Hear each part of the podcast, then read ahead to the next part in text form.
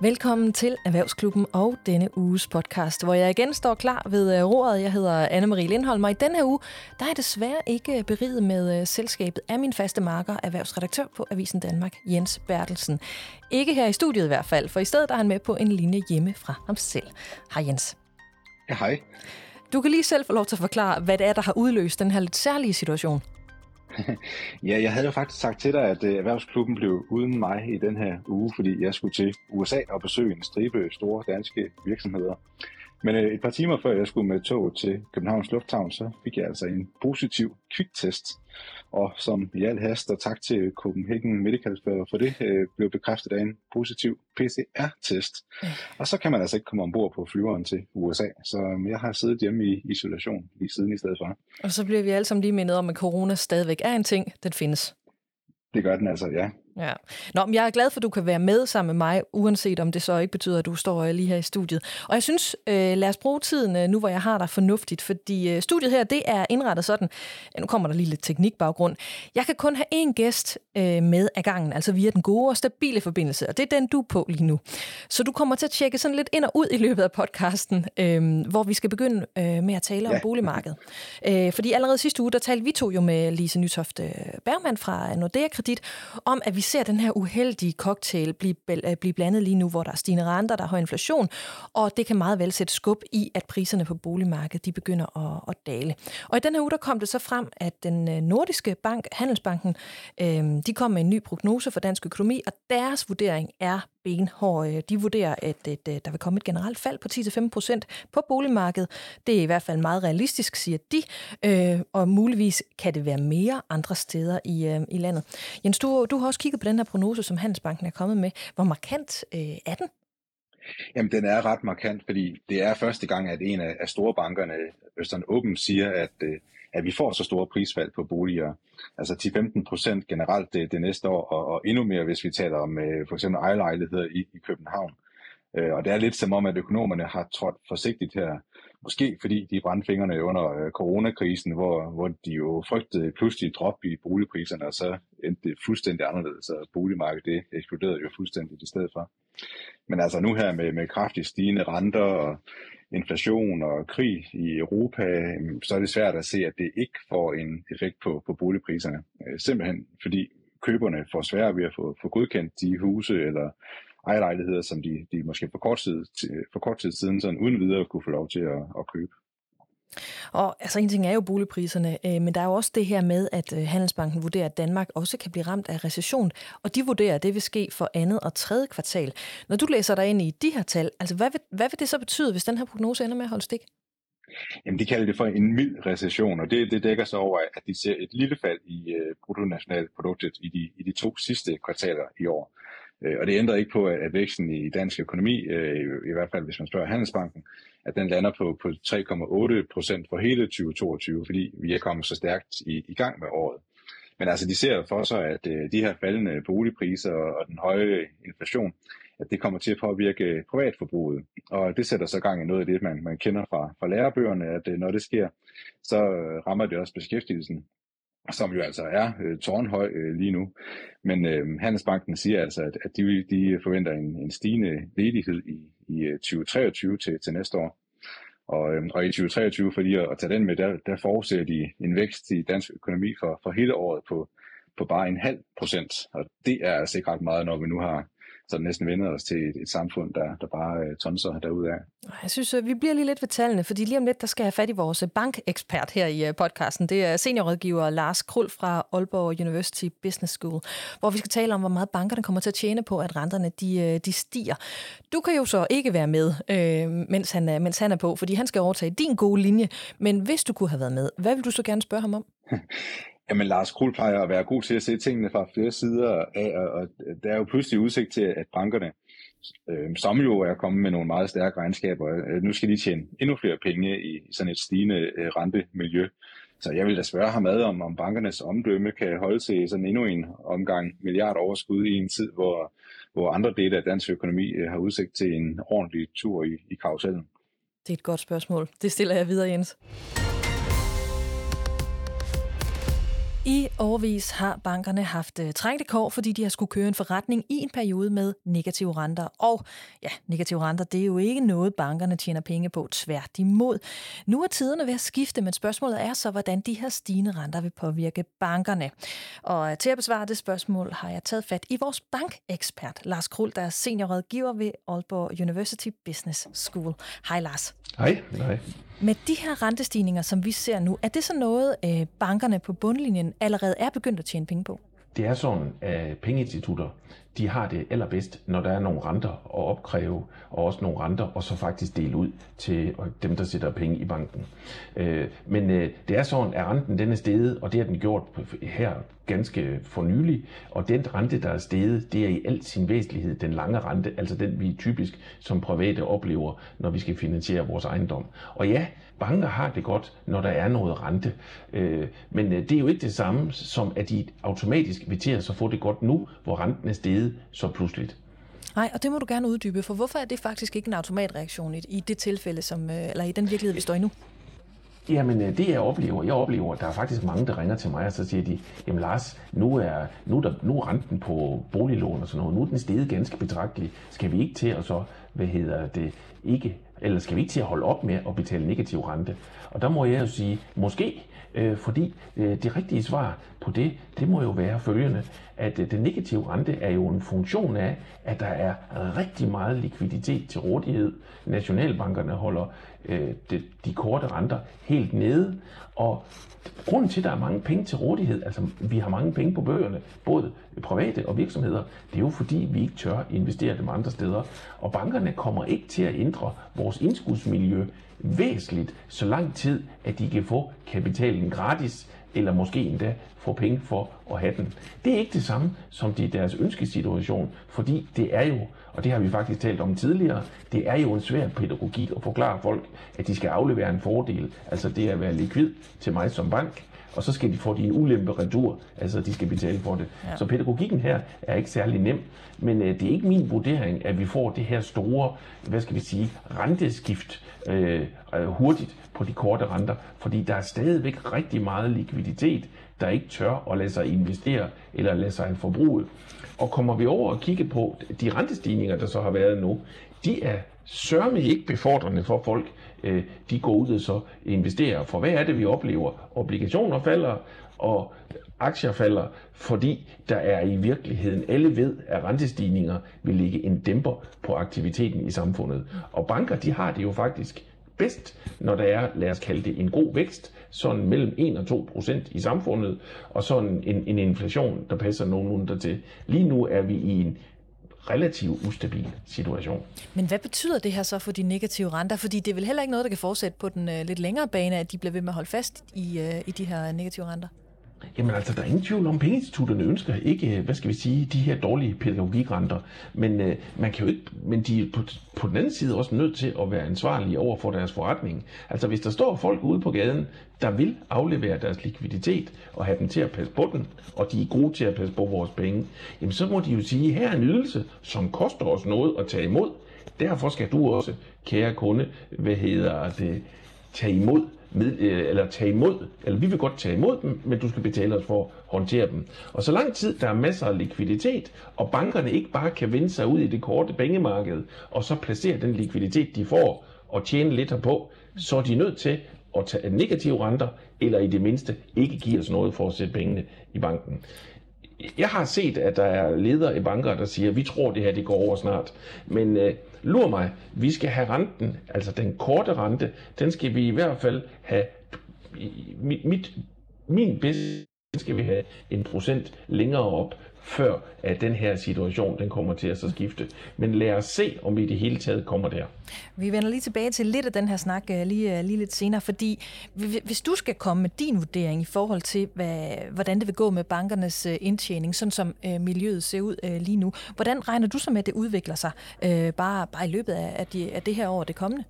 Nu hører jeg jo til en af dem, der ikke synes, bankerne de tjener nok i, i forhold til den kapital, de forvalter. Så jeg vil jo rigtig gerne have banker, de tjener gode penge. Ikke fordi at aktionærerne skal have en masse penge. Det synes jeg egentlig også, de skal have lov til, når de sætter pengene til risiko. Men, men i virkeligheden vil jeg gerne have en banksektor, som tjener nok til, at den hele tiden tør understøtte innovation og nyudvikling, så vores samfund kan udvikle sig til glæde og gavn for os alle sammen. Men øh, det er min vurdering, at bankerne de er jo kommet med nogle rigtig imponerende, de fleste af dem, resultater for den første del af 2022. Men jeg er også forholdsvis sikker på, at det, at renterne er steget så bredt, og i det hele taget er steget, det vil lægge en dæmper på en del øh, optimisme hos virksomheder, og især også private, som jo lige pludselig kan se, jamen e-, et hus, vi måske kunne købe sidste år med vores indkomst, og med de belåningsforhold, der var der, det kan vi ikke længere købe. Nu kan vi købe et, der måske koster 60-70 procent af det, vi kunne for et år siden. Det er min vurdering. Det vil lægge en dæmper på noget, når vi ligesom har forrent, hvad skal vi sige, hornen af os i forhold til, at vi har jo haft en økonomi i cirka 10 år, der har været noget, der minder om steroider. Men går det, går det lige op, det her øh, regnstykke? Altså, det bankerne vinder på de stigende renter, taber de det så på, på tiderne, altså som så er jo er strenge for, for deres kunder? Jamen, øh, jeg håber, bankerne kommer til at så tjene nogle flere penge, jeg, øh, sådan at de bliver ved med at ture og tage nogle chancer og understøtte deres kunder. Men, øh, men jeg tror også, eller jeg vurderer også, at bankerne kommer til at så øh, få et rigtig godt 2022. Men jeg er også forholdsvis overbevist om, at det, at renterne de stiger, det kommer også til at tage noget af væksten, og det kommer til at koste os noget som samfund. Altså tingene kommer til at gå langsommere. Det er jo det, der er meningen, når nationalbankerne, altså centralbankerne skruer priserne op på likviditet. Det er jo at dæmpe aktiviteten. Så jeg vurderer, at vi får noget dæmpet aktivitet, og vi kommer også til at få noget mere fokus på det, der hedder nominel rente, eller undskyld, nominel gæld, altså hvor meget skylder folk væk. Altså, det er min vurdering, at vi har været inde i, de, i hvert fald de sidste 5-6 år, der har øh, private især, men også virksomheder og det offentlige være lidt ligeglade med, hvor meget skylder vi væk, for det koster jo ikke så meget at skylde. Altså renten har været øh, forholdsvis lav der er jeg overbevist om, at vi kommer ind i en fase, hvor vi alle sammen begynder at fokusere lidt mere på, hvad er det, vi skylder væk, hvad er det, hvordan kommer vi til at servicere den gæld, hvordan tilbagebetaler vi den. Det er vi simpelthen nødt til, når renten er noget højere. Hvilke banker synes du, der er interessant at holde øje med her øh, det kommende år, øh, to års tid? Altså nu er du selv inde på, at de fleste banker har leveret nogle, nogle øh, ret fine, fine regnskaber. Hvad er mest interessant at holde, holde øje med i den her tid? Nu, nu skal vi jo passe på, at vi ikke bliver alt for subjektive. For mest interessante at holde øje med, er det ud fra en kritisk vinkel, eller ud fra en tjene mange penge vinkel. Jeg er overbevist om, at vi kommer til at se de næste par år, at de store banker og mellemstore banker, som jo har nogle maskiner, som er godt øh, tunet til konkurrence, det er min vurdering, at vi kommer til at se, at de får noget glæde af deres størrelse og noget glæde af de investeringer, de har taget på netop deres egen IT og deres egen forretningssetup. Det er ikke fordi, og jeg kan vældig godt lide små, altså de rigtig små banker, øh, dem vi kalder lokale banker i Danmark, men de er jo meget langt hen ad vejen på alle deres produkter, ikke producenter, mellem, mellem, mellemhandlere. Så de vil få en større afhængighed af de største bankers produktion af produkter til dem. Og det bliver rigtig, rigtig spændende at se, hvordan den der kage af indtjening på produkter, den bliver skåret. For de største, der producerer stort set alting selv, de har jo deres, hvad skal vi sige, egen eget uafhængige konkurrencemiljø. Min øh, faste marker her på podcasten, Jens øh, Bertelsen, der er erhvervsredaktør på Avisen øh, Danmark, han har, han har bedt mig om at stille dig et spørgsmål, så det, det gør jeg lige. Fordi vi talte nemlig tidligere i podcasten om, om bankernes indtjening, og hans spørgsmål var, hvor længe kan bankerne egentlig holde til at stå fast på det her med, og, med de negative renter, som jo koster kunderne penge? Ikke så meget i forhold til deres økonomi, men mere i forhold til deres omdømme og deres gode ry og rygte, fordi det jo selv dengang det var tydeligt for enhver, at bankerne øh, var nødt til at tjene penge på, på et eller andet, der var det jo ikke noget, der faldt i god jord hos deres øh, kunder. Hva, hvad tænker du om, øh, om det? Jamen, jeg, jeg tænker egentlig, at vi, vi skal lade være med at så øh, tænke noget negativt om bankerne, fordi de gerne vil have negativ rente. Jeg brød mig heller ikke om negativ rente, men, men man havde jo i gamle dage, dengang vi havde renter, altså fik renter, når vi satte penge i banken, der havde vi en situation, hvor banken kunne tage imod dine og mine penge og gå ud og placere dem om aftenen i pengemarkedet og så tjene herpå. Det har ændret sig til en situation, at når bankerne har fået pengene, så har de i virkeligheden fået en udgift. Og den udgift, den skal de jo så tørre af for eksempel på dig eller mig, der har lånt nogle penge i banken.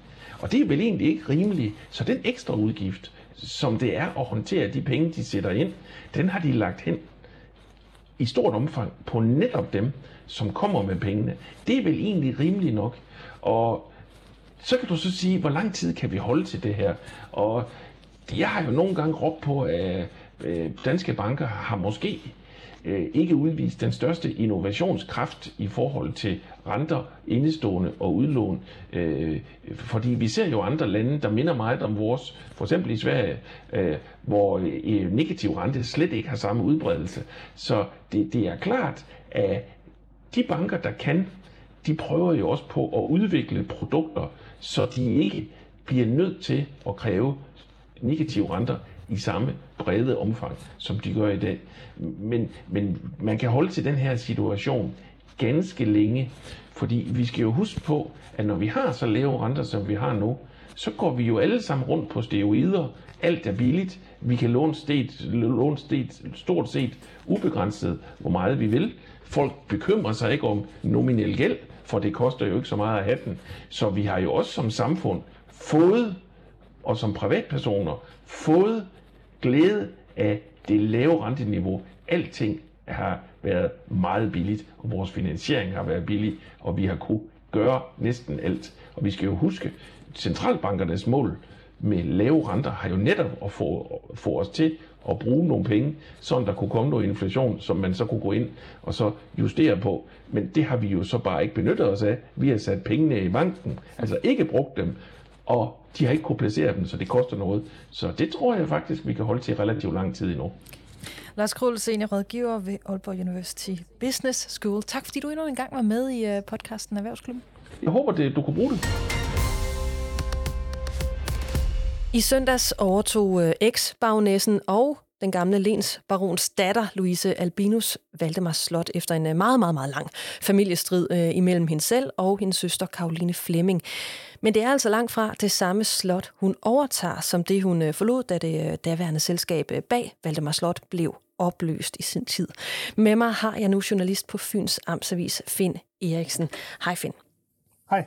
Altså, du har fulgt slottet og familien tæt i mange år. Du var også med i mandags, mener jeg, det var, da Louise Albinus, eller Dudi, som de fleste jo kalder hende, hun havde inviteret både presse og områdesbeboere på besøg på slottet, for ligesom at, jamen det ved jeg ikke, sige, sige velkommen og give en status, tror jeg, på det her slot, der ved fremtiden øh, bringer på.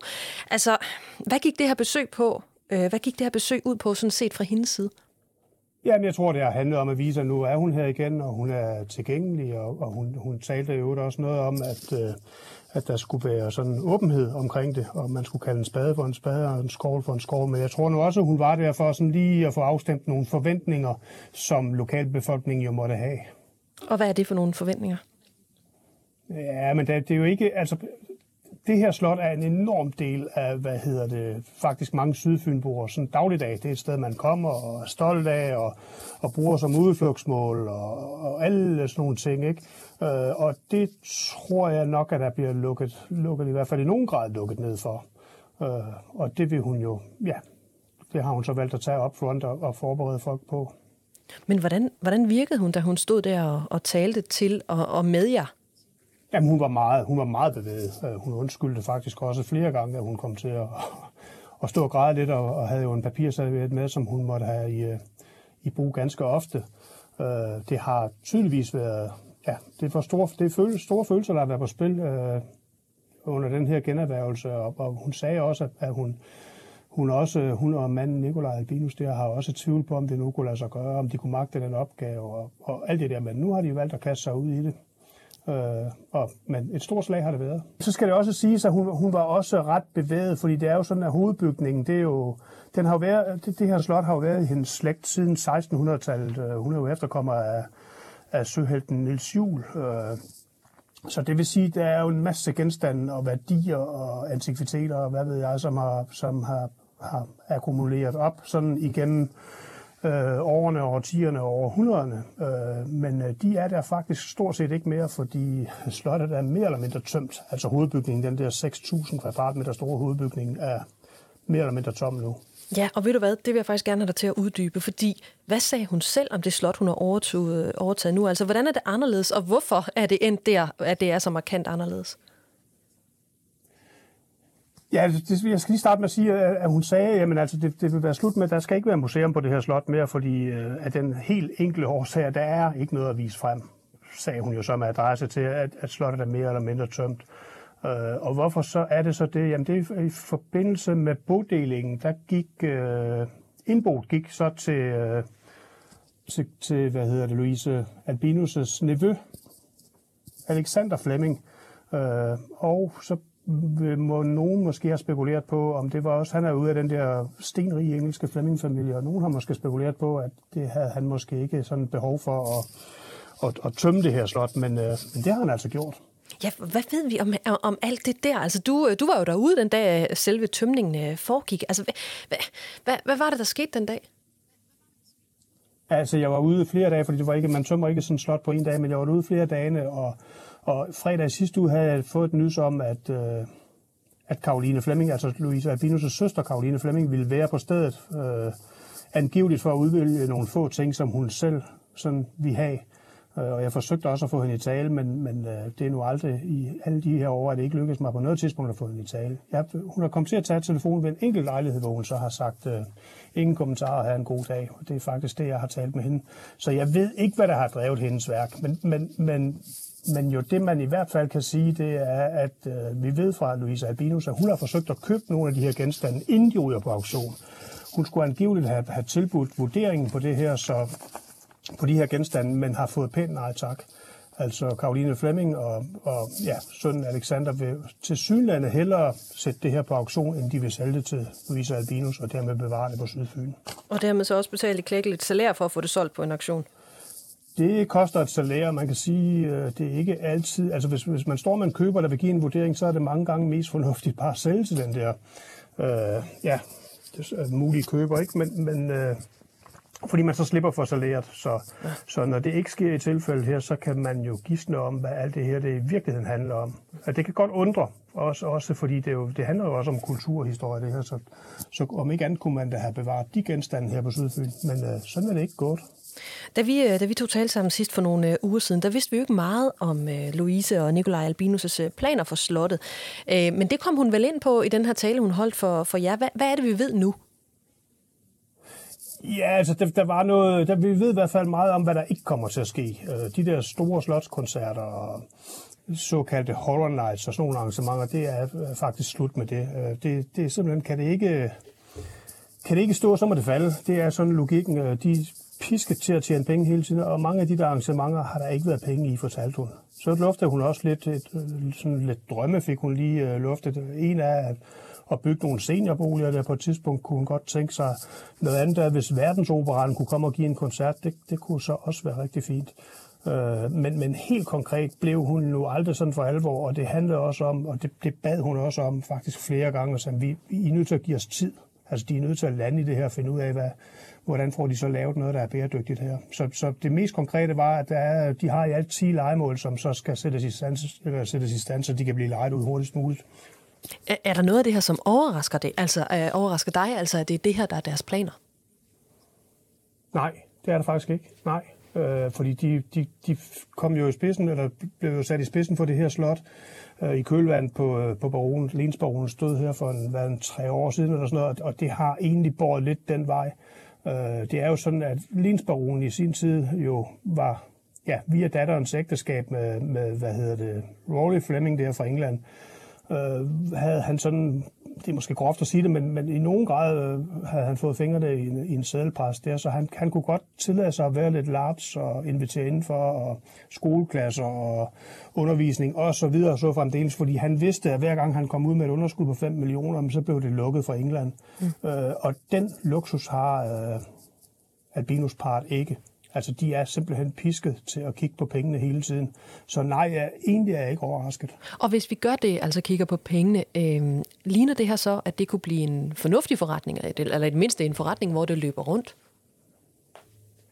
Altså, det har, aldrig, det har jo aldrig været en guldrendt forretning at være godsejer. Det har, det, har, det har det faktisk aldrig. Altså, når, når godserne egentlig historisk har hængt sammen, så er det fordi, de har haft nogle privilegier og fået nogle penge af kongen for at løse nogle opgaver i lokalsamfundet osv. Øh, så, så umiddelbart ligner det vel ikke en sund forretning. Jeg skal dog sige, at jeg stødte på Nikolaj Albinus, øh, Louise Albinus' mand der. Han sagde, at de havde jo han synes, de havde overtaget på nogle, øh, på nogle rigtig gode betingelser, og han synes, det så ganske fornuftigt ud, det her. Okay. Så de har jo også nogle udlejningsejendomme og så videre, og de har noget, jo, lidt jord, som de ejer ud, og så har de noget skovdrift.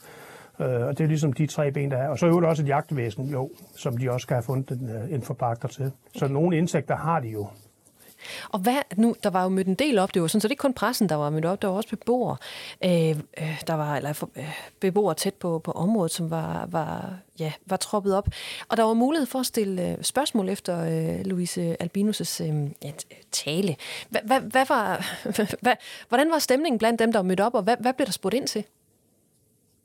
Jamen, jeg synes egentlig, de var, de var meget imødekommende over for hende, og, sådan, og, det, og det var ikke sådan, men der blev selvfølgelig spurgt ind til, hvad man sådan kan vente sig af de her koncerter, som jo så ikke bliver sådan noget, og en spurgte så til de der Horror Nights, som er noget med, at man kunne blive, øh, ja, man kunne blive blive skræmt fra videre, så han så betale penge for det. øh, og, og, men, men, men det er altså, det, det, ja, det, det ligger ikke i kortene. Det kommer ikke igen, og det, og det vil folk jo gerne vide om, om det var noget, de kunne regne med. Det kom, men, men det gør det så ikke, og det var der ikke så meget vrede over. Så var der en, der foreslog at lave en øh, støtteforening, sådan en slags uh, slottets venner, og det, øh, det, det var hun meget positiv overfor, Louise Albinus. Og så var der også en, som nævnte, at der måske kunne være en mulighed for at lave en skovbegravelsesplads. Øh, og den skulle hun da lige tykke lidt på, men, men sagde faktisk efterfølgende, at det var egentlig var en smuk tanke. Ja. Øh, så, så, og det var vel i bund og grund de spørgsmål, der ligesom var. Der var ikke sådan, øh, ja, det, det, folk var ikke i oprør, lad os sige det sådan. Det, var, det foregik meget pænt og ordentligt, og, og jeg tror da også, at folk blev også påvirket af, at hun var så påvirket, åbenlyst påvirket, da hun stod og talte for trappen der. Altså, som en journalist, der har fulgt det her i så mange år, og du har jo talt med stort set alle parter øh, gennem, øh, gennem årene. Altså, hvilken følelse er det, du står med lige nu i forhold til, til hele den her situation? Uh, altså, jeg, jeg, jeg, jeg tror, alle er godt tjent med, at det er det her par, for, øh, som nu overtager, fordi de har... Øh, Ja, de har jo historien. Altså, det er jo, det er jo familien, der så dermed bliver på slottet, og det betyder jo også, at, at øh, 14 genstande inde i slotsbygningen, som, øh, som staten har, der har staten, øh, de, de tilhører staten, de her genstande, og i det øjeblik, øh, at der ikke er en efterkommer af søhelten Niels Juhl i spidsen for det her slot, så, så skal staten have de her genstande. Og det her betyder så, at nu kan de der i hvert fald blive på slottet. Øh, jeg, jeg tror overordnet set, at man er ganske godt tjent med, at det er dem, øh, som jo har noget kærlighed til stedet, frem for hvis man nu forestiller sig, at en eller anden kinesisk rigmand eller russisk oligark, hvilket så jo ikke er så aktuelt lige nu. Men hvis, hvis, hvis det var sådan en, der købte slottet, fordi så har man jo ikke den samme interesse, så vil man jo bare lukke hele hele skidtet ned. Og jeg vil så sige, en, en anden følelse, og det, den, den er svær at vriste sig fri af, det er, at vi, jeg mener altså, at vi har alle sammen mistet noget her. Øh, et, et stykke fuldstændig enestående kulturhistorie, som nu bliver ja, sat i handen på Brun Rasmussen auktioner en gang efter sommerferien. Det er meget, meget tragisk. Altså man kan jo ikke indrette et, et slot med IKEA-møbler. Det, det, det hører sig ligesom ikke til, så, så det er trist. Det er virkelig trist, faktisk.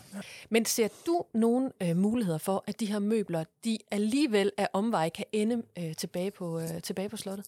Ja, det vil sige, det gør jeg, fordi, fordi øh, Louise Albinus har jo sagt, at hun, der, der er faktisk grænser for, hvor mange penge hun har, men, men, men hun vil forsøge at købe nogle af møblerne tilbage, når de kommer på auktion, eller i hvert fald nogle af genstandene.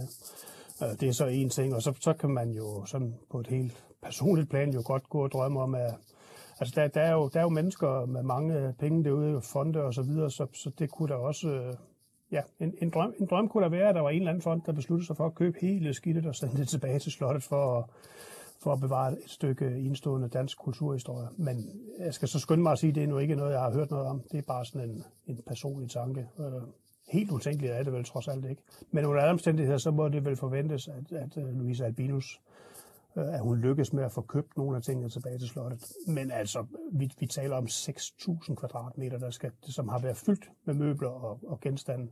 Det er, ja, så, så, så kan man så sige, hvis, hvis det lykkes at købe øh, ja, hvad, to, to kommoder, eller to kommoder og, og, og en chaiselong, så er det jo ikke, fordi det fylder alverden sådan et sted. Men uh, lidt har også ret. Ja, lad det være øh, det, øh, det sidste ord. Lad os håbe, at vi kan øh, runde den her historie af på et senere tidspunkt, hvor stemningen er en lille smule bedre. Nu må vi se, hvordan det går på den, den aktion, om der alligevel er nogle af møblerne, der ender tilbage på slottet. Men for nu, Finn Eriksen, så tak fordi du var med i Erhvervsklubben igen. Du er velkommen.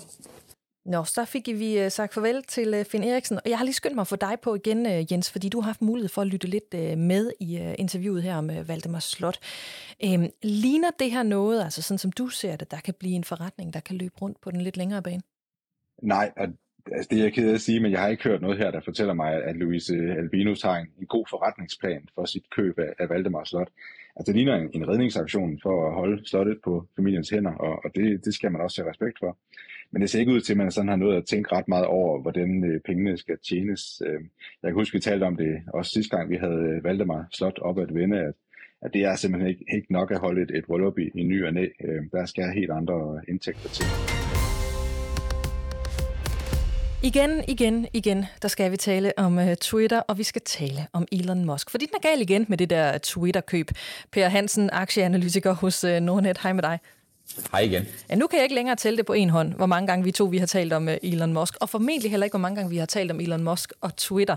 Øhm, I denne her uge, der kom det jo øh, frem, at øh, Elon Musk kan have kommet med et krav til ledelsen i Twitter, øh, hvis hans køb af det her sociale medie, det skal gå igennem. Han sagde nemlig, at ledelsen i Twitter må føre bevis for dens påstand om, at under 5% af profilerne på Twitter er falske. Kan du ikke, kan du ikke lige sætte et ord øh, på, på, hvad er det, der foregår her? Jamen det kan jeg godt forstå, hvis øh, der er folk, øh, som har fulgt godt med i casen, som er rundtosset, og jeg kan endnu bedre forstå, hvis alle dem, der står udenfor, de undrer sig over, hvad der egentlig er, der sker. Så hvis vi skal prøve at skrue tiden lidt tilbage, og der er sket rigtig meget de sidste 4-5 uger, jamen så meddelte Elon Musk jo først, at han har købt 9,2 procent af selskabet. Og når Elon Musk han gør noget, han er verdens øh, mest betydningsfulde influencer, hvis man kan sige det på den måde, så sker der noget. Og efter han havde købt øh, 9,2 procent, eller meddelt, at han har købt 9,2 procent af selskabet, så steg aktiekursen. Så kom han med et, et tilbud på hele selskabet. Ledelse og bestyrelse de overvejede at tage en giftpille i form af, at de ønskede ikke at lade sig opkøbe, og så ville de give de nuværende aktionærer muligheden for at købe nye aktier til en massiv underkurs for at holde Elon Musk ude. Den modstand den varede kun et par uger. Så blev han enig med ledelsen og bestyrelsen om, at det var en god idé, hvis Elon Musk han øh, brugte nogle af sine penge og lånte lidt til at købe Twitter. Jeg tror noget af det, som ledelse og bestyrelse de var under indflydelse af, det var, at de kunne godt se, at aktier generelt var meget på vej ned. Nasdaq-indekset er faldet meget, og det var måske ikke lige tiden til at spille meget kold høen nu. Og siden dengang, jamen der er det sådan set gået slag i slag. Twitter har fjernet sig mere og mere fra budkursen, som i starten lå i slutningen af 40'erne, og hvor der var cirka 10% op til det, som Elon Musk han havde sagt, han ville give for hele selskabet, nemlig 54,2 dollar. Men siden er det gået ned, og der er blevet skabt tvivl om, hvorvidt Elon Musk vil holde fast i sit køb af Twitter. For det han egentlig har sagt, det er nu, at øh, han tvivler på, eller vil gerne have ledelsen til at føre bevis for, at Twitter ikke har rigtig mange brugere, som i virkeligheden ikke er brugere, men er nogle falske profiler, fordi han siger, det kan jo have en indflydelse på den størrelse, han egentlig køber. Men mest af alt, så må man sige, så er der lavet mange tweets om Elon Musks køb af Twitter. Ja, altså jeg sidder sådan med følelsen af, at det her den rigtige grund til, at han nu stiller sig på bagbundene, eller er der en, en anden grund, altså som han så måske bare ikke lige melder helt så klart ud. Altså hvad tænker, hvad tænker du? Tror du reelt, at det er det her, han står og ser som et, et, et, et gigantisk stort problem? Nej, jeg tror faktisk, at Elon Musk kan er ved at få kolde fødder. Jeg tror faktisk, han forsøger at finde en bagudgang. Når jeg siger det, så er det ikke fordi, jeg kan læse Elon Musks tanker, men så er det fordi, at inden for de sidste 3, 6, 9 måneder, der har vi samtidig set, at det ikke er alle de tanker, som Elon Musk har, som nødvendigvis er blevet gennemtænkt 3, 4 og 5 gange, Nej. før de har ført til handling. Det er den første ting. Den anden ting, det er, at Elon Musk har jo offentliggjort en plan frem mod, jeg tror det er 2028, der vil han mere end firedoble antallet af brugere i Twitter, sådan som man i 2028-2029 skulle komme lige i underkanten af 1 milliard. Og nu er min pointe så, at hvis der for eksempel skulle eksistere 7 eller 9 eller 11 procent af de officielle brugere i dag, som ikke er officielle, fordi det er chatbots eller alle mulige andre ting, mm-hmm. jamen så spiller det nok i den overordnede øh, perspektiv en meget mindre rolle, fordi det, som Elon Musk han jo gerne vil, det er, når han vil 4-5 doble antallet af brugere, som skal op i underkanten af 1 milliard, når vi kigger en 6-7 år frem, så gør det nok og formentlig ikke den helt store forskel, om vi i dag skal tælle øh, Twitters brugere i 200 eller i 198 eller i 196 eller i 192 millioner, eller hvor meget eller hvor lidt der nu er tale om. Men hvis vi trækker alt det derfra, kan man ikke argumentere for alligevel, at han er på vej til at købe øh, en eller anden form for kat i en sæk? Altså hvis det er flere end 5% af Twitters brugere, der, der er falske profiler? Man kan sige, at hvis man kigger på størrelsen Twitter, hvis man kigger på investeringsstørrelsen Twitter, så er det sådan, at Twitter har på ingen måde aktuelt og heller ikke prognosemæssigt i forhold til det, som analytikerne har lagt ind af forventningerne for de kommende år, øh, udsigt til at tjene de penge, som de skal tjene for, at Twitter set ud fra en økonomisk øh, optik er en god forretning. Så der er brug for at ændre markant på de her ting. Så budet fra Elon Musk, det svarer nogenlunde til 100 gange den forventede indtjening per år, uanset om vi kigger på 22, 23 eller 24. Ja. Så om han køber katten i sækken, det kommer lidt an på, om man sidder og kigger efter hans egne vækstambitioner frem mod 2028, eller om man sidder og kigger efter det, som er realiteterne i dag. Jeg går der ud fra, at Elon Musk har undersøgt det, og jeg går ud fra, at han har fået analytisk og finansiel bistand til at regne på de her ting. Det skulle man jo øh, have ønsket sig, at han havde fået, inden at han gik ud med de her bud, fordi nu, det lyder som om, det vil være en god idé, vi også lige bruger lidt tid på at tale om, hvad der egentlig sker, hvis han trækker sig fra den her handel. Hvad, hvad vil det betyde for ham? Ja, man kan sige, at der er mange variabler i spil.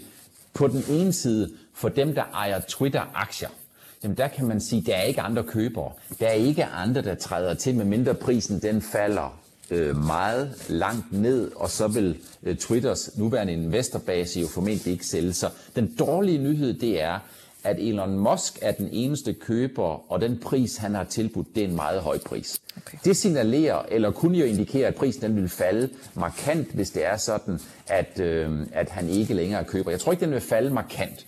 Men noget af det, som investorerne jo vil spekulere på næste gang, det er, kan Twitter ved egen kraft hæve deres brugerbase og indtjening. Det er den ene ting. Og den anden ting, det er selvfølgelig, hvis Elon Musk han fortsat ejer mere end 9% af Twitter, hvad vil han så bruge de 9% til? Vil han så egentlig bare sige, at jeg holder bare fast i de 9%, dem har jeg købt, dem skal jeg bare blive ved med at eje?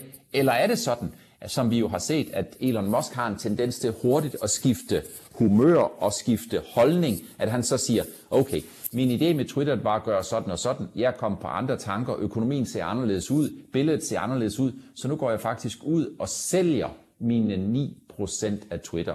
Og så vil vi kortvarigt formentlig komme til at se en aktiekurs, som kommer yderligere under pres. Men som det altid er, verden er uforudsigelig, og alle variabler er i spil når det drejer sig om Elon Musk. Ja, det lyder også bare lidt som om, ikke, at når øh, man får opmærksomhed fra Elon Musk, så kan det både være en gave, men det kan også være et eller andet form for bittert øh, dødskys. Hvad, hvad, kan du ikke lige sætte et bord på, bare her til sidst? Hvad har det her indtil nu betydet for, for, for Twitters øh, aktie?